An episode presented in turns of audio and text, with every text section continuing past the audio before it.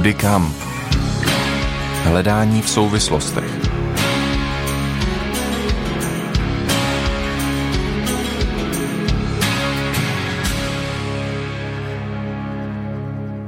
Krásný adventní večer vám všem, kdo jste si udělali čas na přemýšlení s pořadem Kudy kam. Blíží se nám Vánoce. Pomalu se připravujeme na slavnostní připomínku mimořádného božího činu a současně se v těchto dnech už možná i překotně připravujeme na všechno to vnější a hmotné, co máme s Vánocemi spojené. Není to špatně. Kdykoliv slyším výhrady vůči vánočním tradicím, vybaví se mi židovská oslava znovu objevení knihy zákona, jak k ní vybízeli Nehemiáš s Ezdrášem. Jděte, jeste tučná jídla a píte sladké nápoje a posílejte dárky těm, kdo nemají nic připraveno. Dnešní den je zajisté svatý našemu pánu, netrapte se. Radost z hospodina bude vaší záštitou. Jako bych tu viděl před obraz našich vánočních oslav. Ten rozpor, který mnozí vnímají mezi vánočními tradicemi a skutečným obsahem Vánoc, nám ale klade otázku. Na čem skutečně záleží? A teď nemyslím jen na Vánoce samotné, ale na celý náš život. Vítám vás všechny u hodiny přemýšlení s rádiem 7 nad tématy, která přináší život. Dnes nad otázkou, co je tím jediným skutečně potřebným. Na čem tedy v životě skutečně záleží? Do čeho se vyplatí investovat, čeho se držet a co si přát? Zdraví, sílu, úspěch, bohatství? Pod tíhou životních komplikací, jak na nás v poslední době doléhají, se tak ptá čím dál tím víc lidí. A není to jen covidem a jeho důsledky. Celá ta hluboká proměna společnosti, jakou prožíváme od konce minulého tisíciletí, proměna způsobená především digitalizací, vyvolává otázky. Co stojí za to, aby tomu člověk věnoval svůj život? Co ještě stojí za to?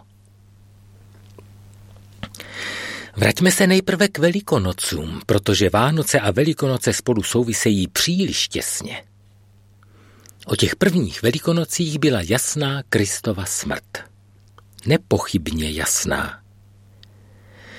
Několik žen a dva ze širšího okruhu učedníků ale začali v neděli mluvit pardon, o setkání se vzkříšením. Pak ho dokonce viděli skoro všichni jeho nejbližší učedníci, o týden později i Tomáš Dvojče. Bylo to ale těžké k pochopení. Nesnadné domyslet, co to všechno znamená. Učedníci se tři roky předtím rozhodli Ježíše následovat, přijmout jeho učení, stát se součástí proměny státu a společnosti, kterou spolu s ostatními židy očekávali. Získali naději, že to bude právě Nazarecký, kdo to všechno v božím jménu uskuteční. Teď to bylo najednou všechno pryč. Všechny představy, kterými poslední tři roky žili, se jim zhroutily. A Petr u Genezareckého jezera říká, jdu lovit ryby. Vracím se k minulosti. Budu tím, čím jsem byl dřív. Všechno to nové zmizelo, naděje umřela. Už to nemá cenu. Má ale cenu vracet se k minulosti? Vyvolávat duchy zaniklých let? jsou jen přeludem. Nevstoupíš dvakrát do téže řeky. Je třeba jít dál a nově se ptát. A Petr se potkává s Kristem, vzkříšeným pánem, který ho posílá pást jeho beránky. Už ne lovit, jak to zaznělo na počátku učednického vztahu Ježíše s Petrem. Atraktivní příslip lovu byl adresován mladému rybáři, který ještě netušil, o co půjde – zkušenému Petrovi, Petrovi, který zradil, Kristus svěřuje úkol pastýřské péče. V něm je zřetelnější, že v posledku nejde o Petra, ale o ty další, o druhé lidi, o církev. O Kristovu církev. Na čem tedy v životě skutečně záleží? Do čeho investovat?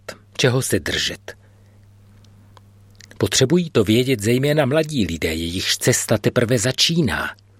Ještě mohou volit a svoji volbu pak zhodnotit. Lépe zhodnotit cenu věcí ale dovedou lidé na sklonku života. Jejich volba už pravda mnoho nezmůže. Její důsledky budou omezené, ale přece mohou pomoci jiným, pokud si dají poradit.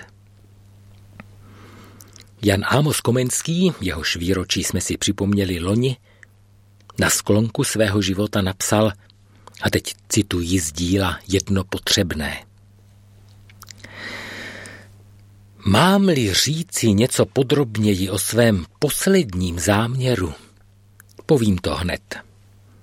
Místo paláce to bude chýška, jaká se jen najde. Nenajdu-li, kde bych hlavu složil, budu odpočívat podle příkladu svého pána, přijme-li mne kdo pod svou střechu, nebo i pod střechou nebeskou, jako on několik posledních nocí na Olivecké hoře dokud ne do své společnosti nepřenesou andělé, jako žebráka Lazara. Místo drahého šatu mi postačí nějaký oděv ze srsti, jako měl Jan Křtítel. Bohatá jídla vystřídají chléb a voda. A připojí se k tomu nějaký příkrm, bude pochválena boží dobrota. Mou filozofií bude dívat se s Davidem na nebesa a na všechna jiná díla božích rukou, a být uchvácen údivem, že Bůh, pán tak velkých věcí se snižuje i ke mně, červíčkovi. Lékařstvím mi bude nejprostší dieta. Čas od času ozdobená posty. Právnictvím, že to, co bych chtěl nebo nechtěl, aby mi dělali druzí, budu sám druhým dělat nebo nedělat – a budou-li se mne ptát, zda mám nějaké problémy s vlastním svědomím, odpovím, že všechno, co dělám, je mi podezřelé. Že mám proto strach, i když jednám správně, a pokorně volám, jsem služebník neužitečný. Tolik Komenský. Jednoduchost života. Omezení vlastních potřeb – soustředění na to, co nepomíjí, co mu ani smrt nevezme. A ten jeho strach, který zmiňuji v závěru citované pasáže, to není obava z budoucnosti, jen z vlastního selhání, přičemž se žádných fatálních důsledků nebojí. Komenského víra byla pevně zakotvená v jistotě spásy, v hodnotě a síle Kristova vykoupení, takže může v témže díle vyznávat – Kristus je mi vším.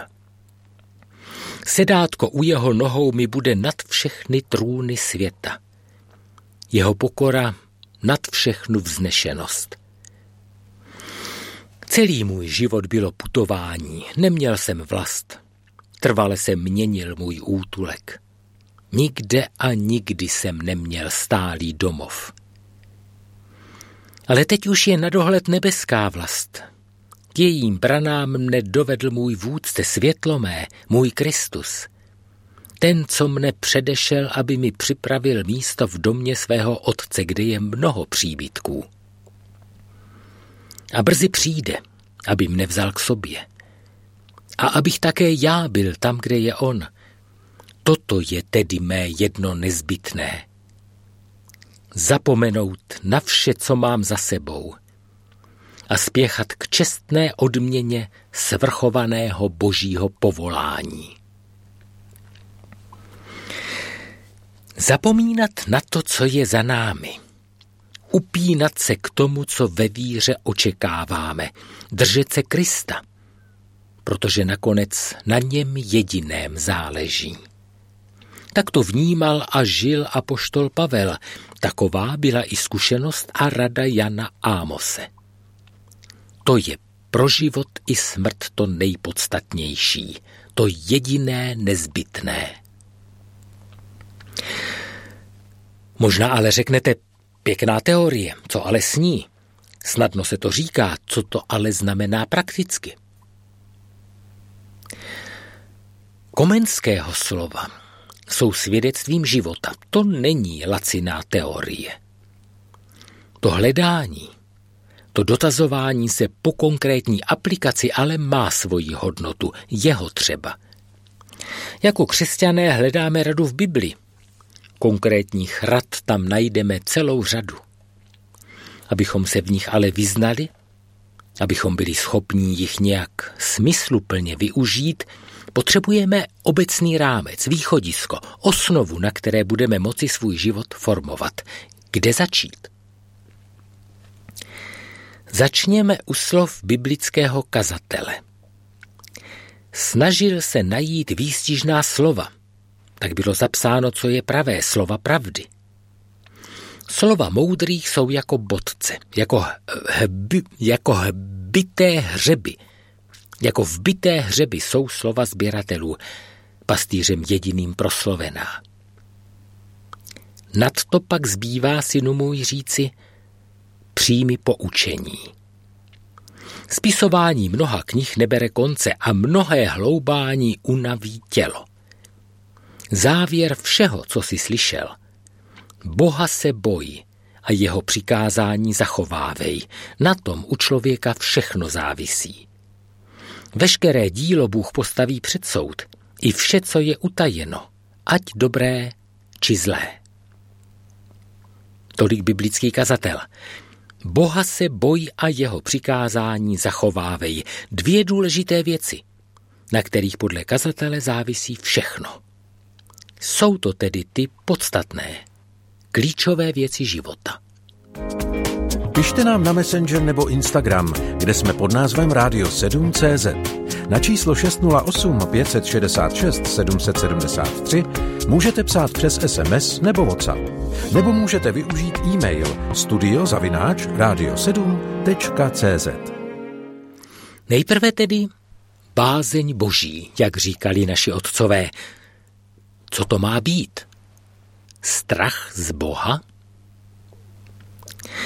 Ano, historie zná rozhněvaného boha, za kterým zůstala jen spoušť. Fatálního omylu se ale dopouštějí ti, kdo nechtějí vidět, jak se boží jednání s lidmi mění v čase. Hospodin nás lidi v průběhu celé naší historie pomalu a trpělivě vychovává. Odhaluje nám své království a jeho principy postupně, jak se je pomalu učíme vnímat a snad i chápat. To někteří nechtějí vidět, touží po bohu statickém, který jedná vždycky stejně, jako automat. A tak se například stane, že ještě i dnes potkáme lidi přesvědčené, že někdo trpí za viny svých předků. Protože v desateru je přece napsáno, já jsem hospodin tvůj Bůh, stíhám vinu otců na synech do třetího i čtvrtého pokolení. Jakoby několik staletí po Mojžíšovi neřekl prorok, duše, která hřeší, ta umře. Syn nebude pikat za nepravost otcovu a otec nebude pikat za nepravost synovu. Spravedlnost zůstane na spravedlivém a zvůle zůstane na své volníkovi. Ano, kdysi platila slova desatera. Teď už to tak ale neplatí, už jsme dál. Pán Bůh nás už dovedl dál. Podobně pán Ježíš říkal, slyšeli jste, že bylo řečeno otcům, já však vám pravím. Ano, kdysi to bylo tak, dnes už je to ale jiné. Mnozí v minulosti prožili strach z Boha a bylo to oprávněné. Dnes už nikdo strach z Boha prožívat nemusí, protože všechen boží hněv dopadl zástupně na pána Ježíše Krista. Jsme-li křesťany, milujeme-li skutečně pána Ježíše, jsme milovanými božími dětmi. Nejsme-li křesťany, neznáme-li Krista osobně, můžeme vědět, že právě takovým, kteří žili jakoby bez zákona po svém, právě těm, nad kterými ti nejpravověrnější ohrnovali nos a kteří podle Mojžíšova zákona ani nesměli na bohoslužbu, právě takovým věnoval pán Ježíš nejvíc svého času a přízně. Existuje pouze jediná kategorie lidí, kteří ještě dnes mohou prožít boží hněv a jeho důsledky na vlastním životě, totiž ti, kteří boží zájem s plným vědomím odmítnou a boží láskou záměrně pohrdnou. Bázeň boží, ta potřebná bázeň, není strach, ale úcta, respekt, obdiv, vědomí boží velikosti a svrchovanosti. Hospodin je úžasný, vší chvály hodný, naprosto mimořádný, je hoden naší úcty. A přitom všem o nás stojí, záleží mu na nás. Má nás rád. To druhé, co kazatel prohlašuje za klíčovou věc lidského života, je zachovávání božích přikázání. Vždyť pán Bůh sám řekl, jestliže se budete řídit mými nařízeními, dbát na má přikázání a plnit je, dám vám ve vhodném čase vydatné deště, země vydá svůj výnos a stromový na poli ponese ovoce a tak dál pokračuje výčet obrazů božího požehnání. Ano, to všechno bylo Izraeli zaslíbeno, pokud bude žít podle božích přikázání. A o mnoho staletí později k tomu zvěstuje prorok. Vydal jsem jim svá nařízení a seznámil jsem je se svými řády, skrze něž má člověk život, když je plní. Přesně dodržet zákon – to byl starozákonní klíč k životu. Platí to tak ale i dnes? Je dodržení, přesné dodržení všech přikázání Božího zákona klíčem k životu? Pavel píše galackým křesťanům, kdybychom mohli dosáhnout spravedlnosti skrze zákon, byla by Kristova smrt zbytečná. Zákon byl tedy naším dozorcem až do příchodu Kristova, až do ospravedlnění z víry. Když však přišla víra, nemáme již nad sebou dozorce. Znamená to všechno, o čem teď mluvím, že si můžeme žít, jak se nám zlíbí, protože se nad námi Pán Bůh nakonec stejně smiluje a všechno nám odpustí? Vlastně ano. Má to ale jednu a velmi zásadní podmínku. Tak zásadní, že bez jejího naplnění se tento výrok stává obrovskou lží. Než tu podmínku ale vyslovím, nabídnu vám určitou perspektivu pohledu na celý biblický příběh, který teprve ve svém celku dává smysl všem jednotlivostem, které v písmu nacházíme. Zkusme si všímat, v čem spočívaly hlavní důrazy jednotlivých epoch biblických dějin. Kdysi na počátku byla hlavním tématem boží výuky a péče boží jedinost. Adonai Eloheinu, hospodin je jeden – na rozdíl od okolních politeistických národů, které se cítili být ze všech stran neustále ohrožovány rozmanitými tajemnými silami, se Izrael učil znát jediného Boha, kterému je možné důvěřovat. Dát svou důvěru množství bohů dost dobře nejde. Jediný Bůh ale může být a v případě Boha Abrahamova i skutečně je důvěryhodný. Ve druhé lekci se pak Izrael učí žít ne podle svých pocitů, ale podle zvnějšku daného řádu, podle božích pravidel života. Náramně prospěšná věc. Je až s podívem, jak se touha žít podle momentálního pocitu neustále vrací, v současné době ještě výrazněji než dříve.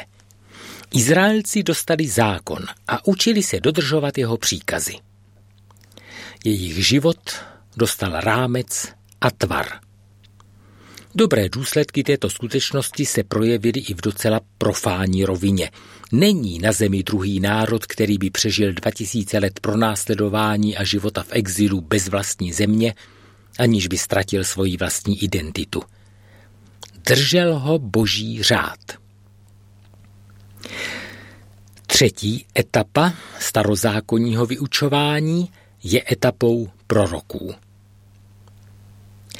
Do už celkem usazené společnosti žijící řádem jediného boha, alespoň teoreticky, pomíjím problematiku neposlušnosti a vzpoury, která se neustále vracela a která vedla ke druhé oblasti prorocké služby, totiž k neustálému napomínání, začíná zaznívat zpráva o roli božího ducha a o významu stavu lidského srdce. Objevují se předjímky novozákonní doby. Dám vám nové srdce a do nitra vám vložím nového ducha. Odstraním z vašeho těla srdce kamenné a dám vám srdce z masa. Vložím vám do nitra svého ducha.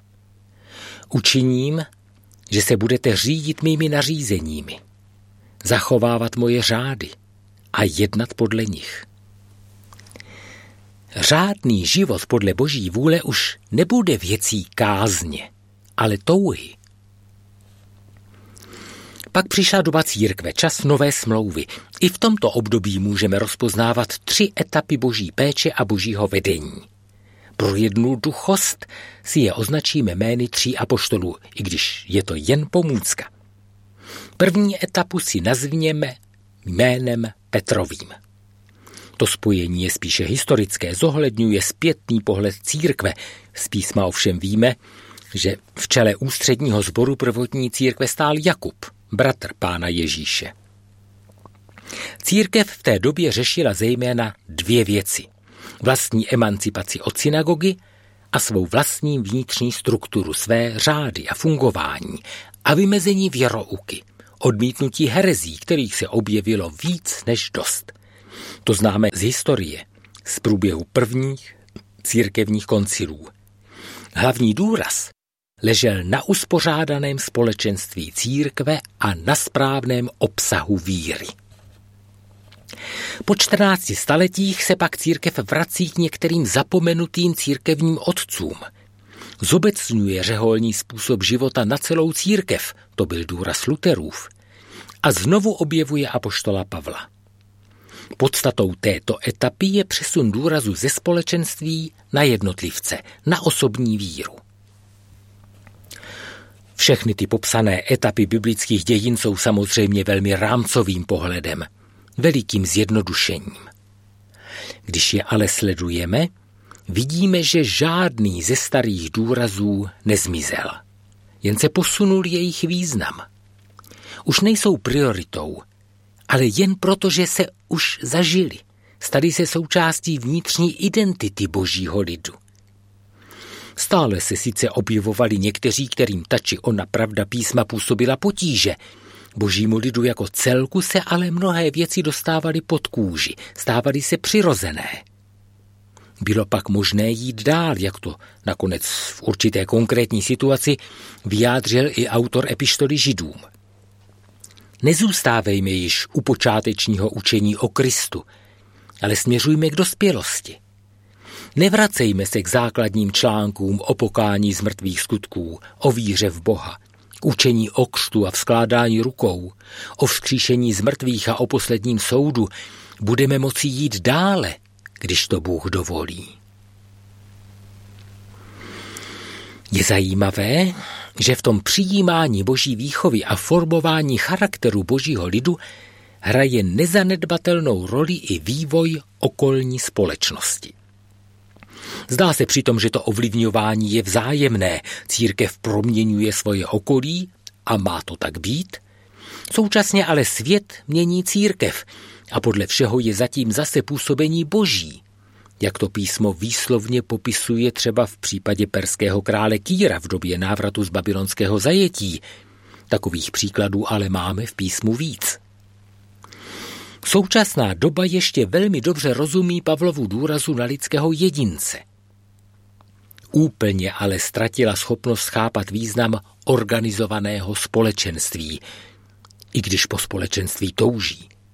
A nechápe ani hodnotu vzájemné odpovědnosti, což s tím společenstvím úzce souvisí. A ztratila ochotu akceptovat nařízení, kterým nerozumí. A to nás přivádí ke třetí etapě boží výchovy v novozákonní době. Obě dosavadní etapy, Petrova i Pavlova, kladly důraz na to, co se má věřit či dělat. Současná doba se mi zdá být božím nástrojem, kterým pán Bůh obrací pozornost svého lidu k otázce proč. Proč mám dělat či věřit to či ono? Jde o pohledy, které nám velmi zřetelně předkládá apoštol Jan. Bůh je láska. A kdo zůstává v lásce, v Bohu zůstává. A Bůh v něm. Kdo nemiluje, nepoznal Boha, protože Bůh je láska. Nové přikázání vám dávám, abyste se navzájem milovali. Jako já jsem miloval vás, i vy se milujte navzájem. Ta posledně citovaná slova pána Ježíše stojí za pozornost. Ptal jsem se před chvílí, jestli je dodržení, přesné dodržení všech přikázání božího zákona ještě i dnes klíčem k životu. Na tuto otázku odpovídá pán Ježíš vlastně přímo. Když mluví s lidmi ze zástupu nebo se zákonníky, řekne, chceš-li vejít do života, zachovávej přikázání. Nebo jak dovedně rušíte boží přikázání, abyste zachovali svou tradici. A připomíná tím přikázání Možíšova zákona, starozákonní pravidla. Když ale mluví se svými učedníky, v závěru svého pozemského života říká, milujete-li mne, budete zachovávat má přikázání. A říká to tak pravidelně, nejen na tomto jednom místě. Tady už nejde o přikázání zákona. Tady, tady už nejde ani o desatero. Jde o Kristovo přikázání, protože to představuje praktickou stránku onoho jednoho potřebného, o kterém dnes uvažujeme. Jde o přikázání lásky. Jak to kdysi pěkně vyjádřil svatý Augustin. Miluj a dělej si, co chceš. Není to ale úhyb od všech řádů a pravidel starého zákona, ale i od evangelia a církevní tradice? Není. Protože nejde o nic jiného, než o naplnění starých prorockých předpovědí, jak jsme si je už připomínali. Vložím vám do nitra svého ducha. Učiním, že se budete řídit mými nařízeními, zachovávat moje řády a jednat podle nich. Nebudu se už proto řídit božími nařízeními, protože se to musí, protože to ode mne ostatní očekávají, protože by mi jinak hrozil trest a peklo. V éře ducha už život podle boží vůle není primárně věcí kázně, ale touhy. Ne, že by kázeň přestala být užitečná, zůstává ale prospěšnou jen tam, kde slouží lásce. Kdekoliv má láska sloužit kázni, je něco špatně. Proto také naši otcové mluvili o milostné kázni, tedy kázni ve službě lásky. Budu žít způsobem života, který se mému Bohu líbí, protože mu toužím dělat radost. A protože to i mně samotnému radost působí. Co z toho všeho vyplývá pro život člověka ve 21. století? Nic mimořádného. Nic zcela nového. Jde pořád o ty též principy vyjádřené už hluboko ve starém zákoně. O potřebu milovat hospodina, svého Boha, celým svým srdcem a celou svou duší a celou svou silou a milovat svého bližního jako sebe samého. Bude-li tato láska upřímná, nebudu-li dávat přednost sobě ani svým nejbližším před ostatními, ve kterých ke mně přichází můj Bůh, bude proměňovat způsob mého života A naplní se i na mě to, o čem psal apoštol Pavel. Kdo miluje druhého, naplnil zákon. Kázeň bez lásky. Dodržování pravidel, aniž bych si nechal pánem Bohem proměnit srdce, nemá v božích očích žádnou cenu. Mohu žít nejvzorněji. Mohu dodržet všechna pravidla do posledního. Pokud se budu cítit lepší než ti, kteří to nedokážou, budu jako farizeus v chrámě. Co je tedy to jediné potřebné? Z naší strany respekt a láska k Bohu i k bližním. A jaká je ta zásadní podmínka, bez jejíhož naplnění se důraz na prioritu lásky stává jednou velikou lží? Tou podmínkou je poctivost. Pokud je moje láska poctivá, pokud není jen nástrojem, kterým si dokazují své vlastní kvality a současně není jen láskou teoretickou, když se sice rozplývám pocity, můj život ale zůstává stále stejný, pokud je tedy moje láska poctivá, skutečně promění moje touhy. Takže si budu opravdu moc dělat, co budu chtít, protože moje chtění bude proměněné. Podle čeho poznám poctivost své lásky? Podle ochoty odpouštět druhým – odpouštět bez podmínek a bez omezení, protože právě o takovém odpouštění řekl pán Ježíš výslovně, že o ně stojí. A rovněž upozornil, jestli neodpustíte lidem, ani váš otec vám neodpustí vaše přestoupení. A co je tím jediným potřebným z toho, co je nad námi? co nás přesahuje a co jen vděčně přijímáme? Kristus, beránek za nás ukřižovaný. Bůh, který se s námi stotožnil a kvůli nám, kvůli mně i kvůli tobě se sám sebe zřekl. Stáli jsme mu za to, jak psal apoštol Pavel do Filip, že sám sebe zmařil, vzal na sebe způsob služebníka, stal se jedním z lidí a v podobě člověka se ponížil.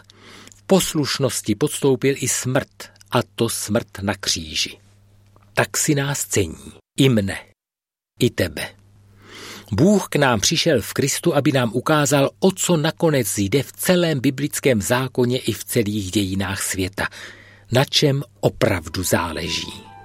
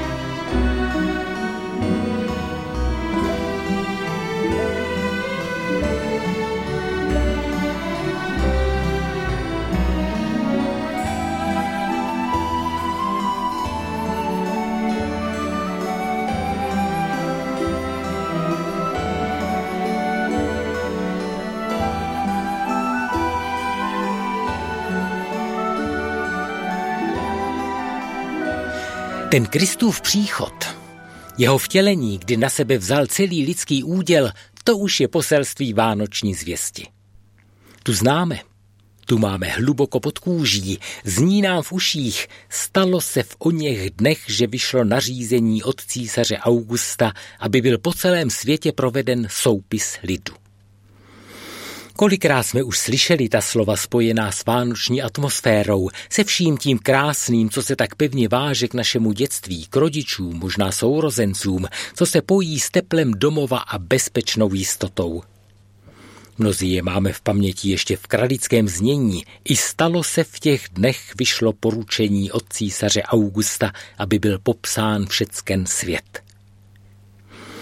Ta slova se nám stala kotvou vážící nás k vlastní minulosti, kořenem, který nás spojí s našimi předky, s tradicí reformačního vzoru, se vším, čím se cítíme být definováni, Člověka někdy až zamrazí, když si uvědomí, jak často se nám všechny tyto charakteristiky vážou na jazyk, na formu, jak blízko máme k docela pohanskému chápání magie řeči a moci lidských slov. Bez ohledu na to ale, ta slova svědčí o události, která skutečně proměnila běh lidských dějin, která má tak zásadní dopad na život každého z nás, že to ani nedovedeme domyslet. A tak se k ním znovu a znovu vracíme a potřebujeme vracet. Potřebujeme znovu nahlížet do těch dávných dob a přemýšlet, co se to tenkrát vlastně stalo. Nesmíme ale zůstat jen u obrazů, statických a vlastně mrtvých. Jen u toho, na co jsme si zvykli. Potřebujeme znovu prohlížet a nově promýšlet tu událost samu, oživenou duchem živého Boha. Jak to tenkrát bylo? Ne všechno v příběhu Ježíšova narození je jasné. Písmo je a zůstává plné tajemství, jak toho slova opakovaně užívá apoštol. Asi nikdo z nás už nevysvětlí, jak to bylo s tím útěkem do Egypta, když se podle Lukáše rodina vrací po několika dnech do Nazareta, zatímco podle Matouše míří do Nazareta až po smrti Herodově a po egyptském exilu. Navíc se do Nazareta jdou teprve usadit, zatímco podle Lukáše se tam vracejí, protože tam jsou doma. Proč to zmiňuji? Abychom si dobře uvědomili charakter i cíl biblických výpovědí. Pán Bůh nám chce povědět důležitější věci, než jak se ty události tenkrát přesně odehrály. Jde o vnitřní souvislosti, o obrazy, které mluví a které odkazují až do věčnosti. Není tu ve hře jen naše dětství, celek našeho vlastního života. Jde o jeho souvislost s celou historií lidstva, s dávnými proroky, s božím působením v dějinách tohoto světa. Stará proroctví někdy říkala podivné věci. Prorok Izajáš mluvil dávno před betlémskými událostmi o božím služebníkovi, ve kterém církev vždycky rozpoznávala Krista pána. Známe ta slova. Zde je můj služebník, jehož podepírám. Můj vyvolený, v němž jsem našel zalíbení. Vložil jsem na něho svého ducha, aby vyhlásil soud pro národům. Nekřičí a hlas nepozvedá, nedává se slyšet na ulici. Nalomenou třtinu nedolomí, nezhasí knot doutnající, soud vyhlásí podle pravdy neochabne, nezlomí se, dokud na zemi soud nevykoná. I ostrovy čekají na jeho zákon. A o několik kapitol dále byl v opovržení. Kde kdo se ho zřekl? Muž plný bolesti, zkoušený nemocemi, jako ten před ním si člověk zakryje tvář, tak opovržený, že jsme si ho nevážili. Byly to však naše nemoci, jež nesl naše bolesti na sebe vzal, ale domnívali jsme se, že je raněn, ubit od Boha a pokořen. Jenže on byl proklán pro naši nevěrnost, zmučen pro naši nepravost. Trestání snášel pro náš pokoj. Jeho jizvami jsme uzdraveni. Krásná zaslíbení. Jenže Izajáš u těch slov, která si tak často a rádi připomínáme, nekončí. 42. kapitola, ze které jsem citoval první Izajášovský oddíl, pokračuje slovy Kdo byl slepý, neli můj služebník? Kdo byl hluchý, jako můj posel, jehož jsem vyslal? Kdo byl slepý, jako ten, za něhož jsem zaplatil, slepý, jak služebník hospodinův? Mnoho si viděl, ale nedbal si na to. S ušima otevřenýma neslyšel nic. Je to také výpověď o Kristu Pánu? Platí i tato slova o spasiteli narozeném v Betlémě? Prorok Zachariáš volá, rozjásej se sionská dcero. Dcero jeruzalémská, propukni v hlahol. Hle, přichází k tobě tvůj král, spravedlivý a zachráněný, pokořený, jede na oslu, na oslátku, osličíme mláděti.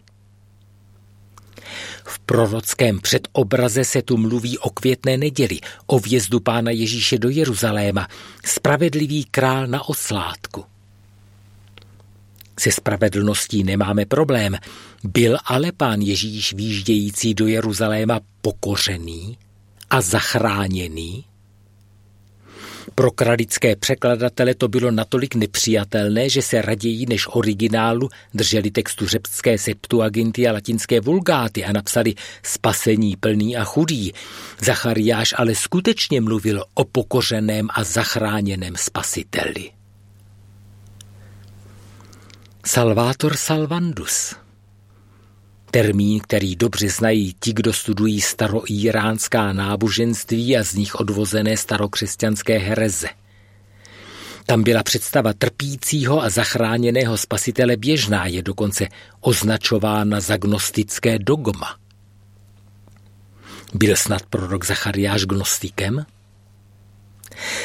To určitě ne. Ač to mnozí neradi slyší, písmo na více místech užívá pohanské, tedy tehdy obecně srozumitelné terminologie, aby zdůraznilo některé své výpovědi. Podle staroíránských představ, které přešly do všeobecně rozšířených náboženských systémů, jakými byly například gnosticismus, mandeismus či manicheismus, byl spasitelem prvotní člověk, který prošel utrpením a byl zachráněn. Písmo samozřejmě ví o podstatném rozdílu mezi prvním a druhým Adamem, o božství Pána Ježíše Krista, o jeho jedinečnosti, svrchovanosti. Současně ale ví o významu a hodnotě jeho pravého lidství. Domnívám se, že v prostředí, ve kterém byly podobné představy více než běžné, vedl boží duch Zachariáše k využití této neobvyklé formulace, aby s ohledem na pozdější novozákonní události zdůraznil lidství Pána Ježíše Krista. Ten, který přijde jako král, bude člověkem zcela závislým na nebeském Otci. Ten ho zachránil a zachrání, protože každý člověk, ať už je jakýkoliv, žije jen z milosti Boží. Dospěli jsme k závěrečné části našeho dnešního povídání na stanici Radio 7. Uzavírám proto možnost posílání zpráv. Pokud byste se nám ještě chtěli ozvat, využijte k tomu prosím některý z kontaktů, které uvedu v závěru relace. My jsme se dostali k tajemství betlémského zázraku, k tajemství inkarnace – Bůh sestupuje do lidského těla. Proč to dělá? Teologové těch důvodů jmenují celou řadu, protože o nich mluví i písmo. Nejsme teologové, hledáme dnes v písmu motivaci ke vděčnosti a k radosti z Kristova příchodu, současně ale i radu do života svých příštích dní, vzory chování, ale ještě více vzorce myšlení, protože naše skutky jsou pak už jen důsledkem toho, jak pracuje naše hlava a naše city. Chceme se od svého spasitele učit, jak žít. Zůstaneme proto u jediného důvodu, který Božího syna, jednu z osob věčné Boží trojice, přivedl do lidského těla. Apoštol Pavel vyznává, pán mi řekl, v slabosti se projeví má síla. Známe ten verš, věříme mu. Většinou mu ale rozumíme tak, že se v Pavlově slabosti projevovala síla jeho mocného boha, vládce světa. Tak to ale v tom textu napsané není. Je častou chybou čtenářů, ale i vykladačů Bible, že si do biblických výpovědí promítají své představy, své zkušenosti a svá vlastní přání. A tak se potkávám s lidmi, kteří v Evangeliu nacházejí zprávu, že Ježíš uzdravoval každou nemoc a každou chorobu v lidu a vyvozují z toho, že uzdravil každého nemocného, kterého potkal. že kdo se setká s Ježíšem nutně musí prožít uzdravení.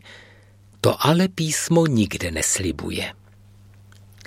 Jiní čtou boží výpověď adresovanou Adamovi kvůli tobě nechtě země prokletá a mají za to, že se Adamovým hříchem celá země fyzicky proměnila, že se stvoření pokazilo. To tam ale také nikde napsané není. Vždyť kdo je člověk, aby měl moc pokazit Bohu principy jeho díla?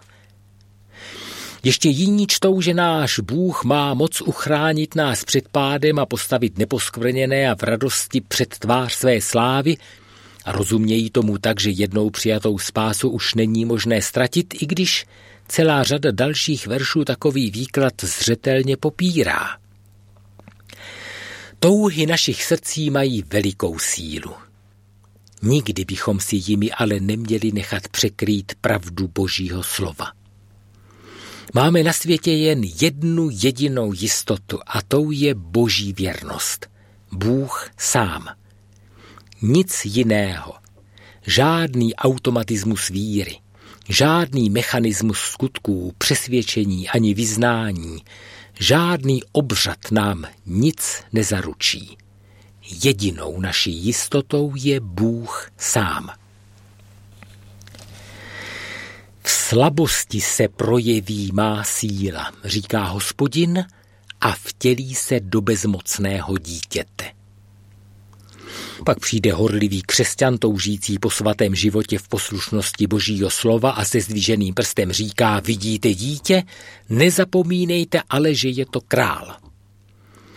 Staví se tak do jedné řady s farizejí Kristovi doby, kteří nesporně čekali Mesiáše, těšili se na něj, doufali v jeho příchod a věděli, že vyřeší všechny jejich problémy. Jen chtěli Mesiáše krále, Mesiáše vojevůdce – Chtěli, aby problémy jejich světa a jejich víry byly řešeny razantně, mocným slovem, činy, které převrátí svět. A přicházející Bůh říká z betlemských jeslí, tak ne. Zříká se nejen své nebeské slávy, ale i užívání své božské moci. Nestrácí ji, jen ji nepoužije k léčbě, k léčbě světa neléčí hřích zákonem, ale křížem. Proč? Nebylo by to s použitím boží moci všechno jednodušší? Nezabránil by tak mnohému utrpení, kterého je náš svět plný? Neprosadil by své království rychleji a důsledněji? Myslím, že to jsou právě ty otazníky a pochybnosti, které nosili ve svých srdcích farizeové a které dodnes brání v přijetí evangelia většině židů. Kdyby byl nazarecký Ježíš opravdu mesiášem, nepadl by v roce 70 Jeruzalém, nedošlo by k pogromům, na chrámové hoře by nikdy nevyrostla Al-Aqsa a svět by nezažil osvětím. To všechno se ale stalo. Jak potom věřit, že to betlémské dítě bylo vlastně Bohem? Snad nám pomůže vysvětlení apoštola Petra. Pán neotálí splnit svá zaslíbení, jak si to někteří vykládají, nejbrž má s námi trpělivost, protože si nepřeje, aby někdo zahynul, ale chce, aby všichni dospěli k pokání. A možná ještě slova Pána Ježíše Krista – Jeruzaléme, Jeruzaléme, který zabíjíš proroky a kamenuješ ty, kdo byli k tobě posláni. Kolikrát jsem chtěl zhromáždit tvé děti, tak jako kvočna zhromažďuje kuřátka pod svá křídla, ale nechtěli jste. Hle, ve svém domě zůstanete sami. Na jedné straně boží trpělivost, které jde o záchranu i toho posledního z lidí, Nevybírá si jen některé? Na straně druhé lidská tvrdost, která odmítá boží pozvání. Hospodin tuto tvrdost nezlomí. Nechává člověka v jeho bídě, protože tam, kde člověk nechce, pán Bůh nezasáhne. Jeho milost není neodolatelná. Jediný nástroj, který hospodin používá, je pozvání. Pán Bůh totiž bere nesmírně vážně lidskou vůli. Od zahrady v Edenu můžeme sledovat, že hospodin svou sílu většinou nepoužívá, aby zastavil zlo, pro které se rozhodl člověk. Ne, že by neexistovaly výjimky. V Bibli i v historii světa jich nacházíme mnoho, jsou to ale výjimky. Základním principem je, že pán Bůh čeká na lidské svobodné, dobrovolné rozhodnutí. Bohu totiž jde o lidskou lásku. A ta se nedá vynutit rozkazem. Lásku nenastolí žádný zákon, žádná pravidla. Lásku probudí zase jen láska. A tak se Bůh zříká své slávy ba sám sebe, bere na sebe způsob služebníka, stává se jedním z lidí a nechává se ukřižovat. Už betlémské jesle nebyly žádnou romantikou, žádným výletem do zajímavého lidského světa za setkáním s exotickými pastýři a mágy. Už Betlém byl obrovskou obětí. Už Betlém ukázal, jak daleko je Bůh ochotný zajít, aby v člověku probudil lásku. Kříž pak tento přístup završuje. Proč šel pán Ježíš na kříž? Aby někomu zaplatil za naše hříchy? Tak to říká apoštol. Je to ale jen obraz, pomůcka. Ve skutečnosti, komu by platil? Vždyť není nikdo větší než Bůh. Neexistují žádné absolutní hodnoty, žádné duchovní ideje, pravidla ani řády, kterým by se i Bůh musel podřizovat. Tak si to zhruba řečeno představoval Platón a další pohané. To ale není biblický pohled. Aby porazil satana, což pak satan je našemu bohu nějakým protivníkem, Vždyť je jen stvořenou bytostí, stejně jako kdokoliv z nás, s hospodinem je absolutně nesouměřitelný. Pánu Bohu ale nešlo o to porazit satana jako takového, na to stačí dech jeho úst. Chtěl ale zbavit satana vlády nad lidským srdcem. To nejde silou ani mocí. Hospodin toužil a stále touží přivést člověka ke chtěnému, dobrovolnému odvrácení se od satanských lží a příklonu k sobě, k jedinému skutečnému Bohu, k milujícímu nebeskému Otci. Kvůli tomu ukazuje v betlémských jeslích i na Golgotském kříži, kam až je kvůli člověku ochoten zajít. Že je kvůli nám ochoten obětovat i sám sebe. Kdo odolá takové lásce? Jak ji odmítat? Jak vzdorovat? Síle, byť by to byla síla Boha, je možné se vzepřít, i kdyby to přineslo smrt. Proč se ale vzpírat lásce? A tak se v betlémské stáji nerodí mocnář, ale dítě. Betlémské jesle před nás kladou otázku, čemu dáme přednost. Mesiáši vládci, který svou nebeskou mocí už v tomto čase zastaví zlo, před kterým se už teď skloní každé koleno, protože ten, kdo se sklonit nechce, k tomu bude prostě přinucen, který nastolí rovnost všech lidí, protože rovnost pokládáme za spravedlnost, který ovládne naše srdce tak, že už nás vůbec nebude lákat hřích a který všem ukáže, že právě ta naše víra je ta pravá?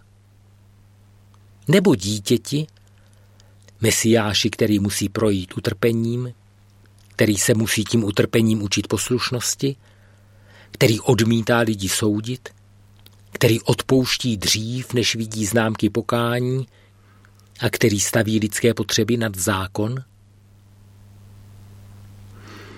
Řeknete snad, že pán Ježíš takový není? Že výslovně potvrdil, že zákon nepřišel zrušit, ale naplnit? Pak je ale také třeba připojit, jak si to naplnění zákona představoval. Vysvětluje nám to apoštol Pavel, když píše, že naplněním zákona je láska. Křesťanské naplnění zákona nespočívá v rovině skutků, ale v rovině vztahu. Židé reprezentovaní farizejí měli za to, že když národ dodrží, dodrží celý zákon, když si na to zvykne, že mu tento zvyk pronikne pod kůži, že mu změní srdce. Pán Ježíš tento přístup zásadně odsoudil. Říkal, že začít je třeba u srdce, protože naučená, kopírovaná ctnost bez obsahu nemá žádnou cenu. O srdce jde. O srdce se tu hraje. A tak, Maria neuk- a tak Maria ukládá do betlémských jeslí nikoli mocného krále vesmíru, ale bezmocné dítě. A teprve až adresáti božího pozvání dorostou poznání, že násilím, byť by to bylo násilí řádu a božího zákona, se boží království budovat nedá, teprve pak se království zjeví i v moci – protože moc v rukou toho, kdo chce silou napravovat svět, je krajně nebezpečná, jak ukázali snad všechny revoluce světové historie. Kristův způsob je jiný. Je to cesta oběti. Betlémské dítě se vzdává nebeské slávy a pak i samo sebe a touto obětí léčí svět. A také ho vyléčí. Kristovo vtělení bylo tím potřebným a nezbytným krokem ze strany Boží. Co zůstává tím jediným potřebným pro nás lidi? Tím jediným, co otevírá bránu Božího království. Poctivá touha po Bohu a dětsky důvěřivá víra v Krista, který o každého z nás tolik stojí. Všechno ostatní, o čem mluví církev i sama Bible, je už jen důsledkem tohoto podstatného, totiž božího nesmírného zájmu o nás, projeveného v Betlémě i na Golgotě. A našeho skutečně poctivého zájmu o Boha, o Boha v Kristu.